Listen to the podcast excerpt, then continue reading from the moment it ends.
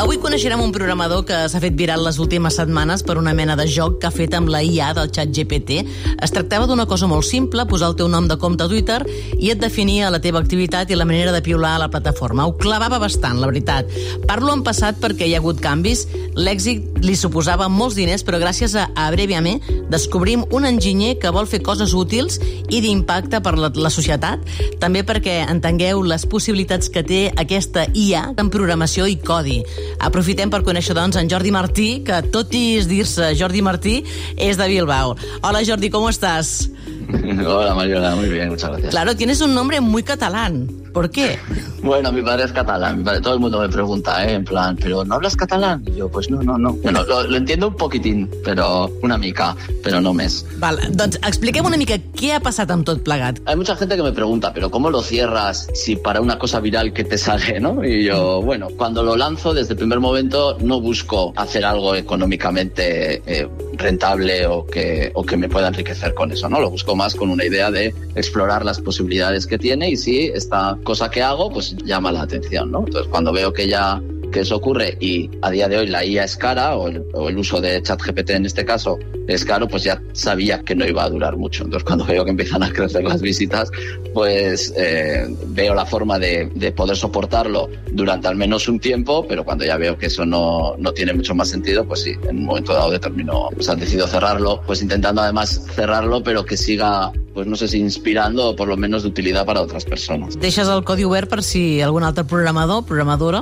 ho pot fer servir, ¿no? Sí, a mí sí me gustaría ver, por ejemplo, cómo otras personas pues cogen el código de Abreviame y hacen más Abreviames, ¿no? Eso, eso para mí mm. sería guay y incluso, ¿por qué no ver cómo otras personas lo utilizan y sí que consiguen hacer rentable una cosa que desde mi objetivo inicial no era hacerlo rentable o eh, lo utilizan para otros casos de uso? O sea, cada vez que, que una persona utilizaba tu solución, esto te suponía dinero, ¿no? Debías pensar, sí. ay, que no se haga más viral, ¿no? O sea...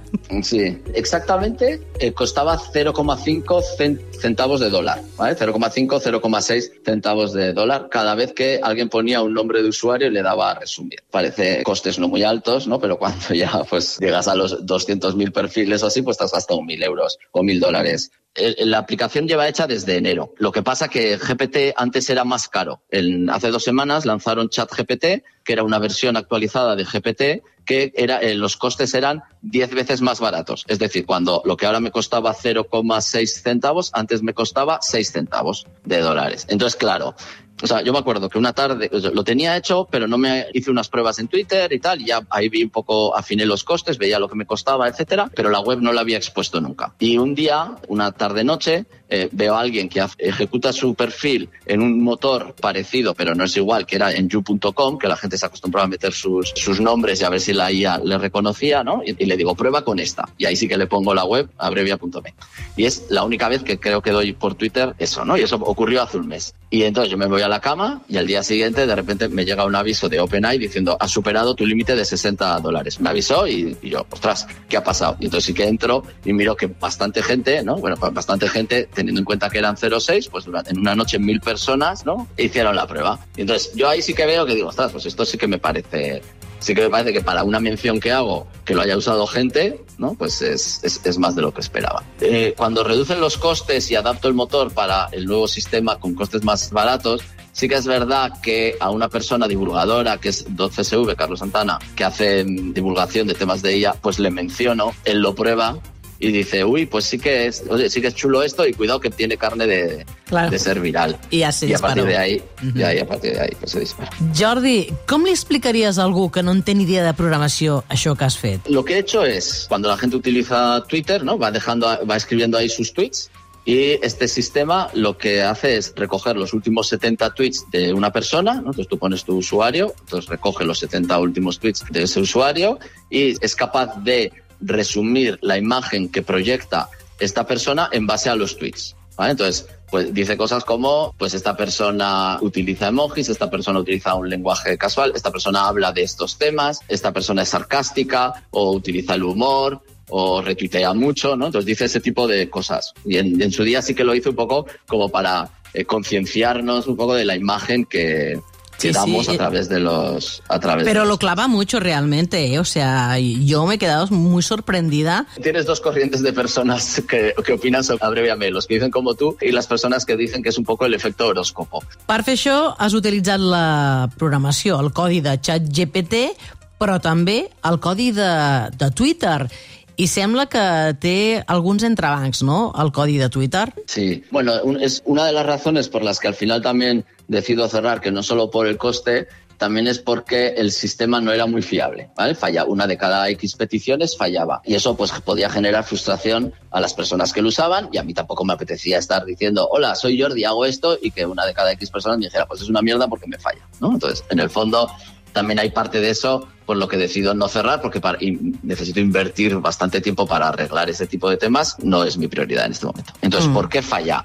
Porque efectivamente la API de Twitter tiene un límite eh, de cantidad de veces que la puedes usar. Entonces, para el caso de uso en el que está diseñada, que es un sistema pueda ver los tweets de forma anónima de cualquier persona, tiene un límite bas- bastante pequeño, de unas 1.500 peticiones cada 15 minutos. ¿vale? Entonces, si hacía 1.501 peticiones, a partir de ahí, durante 15 minutos, el sistema no, eh, no permitía Claro. eh, buscar los tweets. ¿vale? Entonces, para resolverlo, lo que habría que hacer es encontrar otros casos de uso. Pues, por ejemplo, que en vez de eh, rastrear anónimamente los tweets, pues que la persona se tuviera que loguear en la plataforma de Twitter para solo poder es- escanear su perfil. Para, o sea, para mí el mensaje que quiero transmitir o que aprovecho para eh, transmitir ahora que Abreviame se ha hecho se ha hecho viral es que estas tecnologías como GPT, eh, las inteligencias generativas, por ejemplo, Midjourney, que también te crea imágenes y demás, ¿no? Nos permiten a las personas que desarrollamos hacer cosas que hasta ahora no podíamos hacer o que era complicadísimo hacer, ¿no?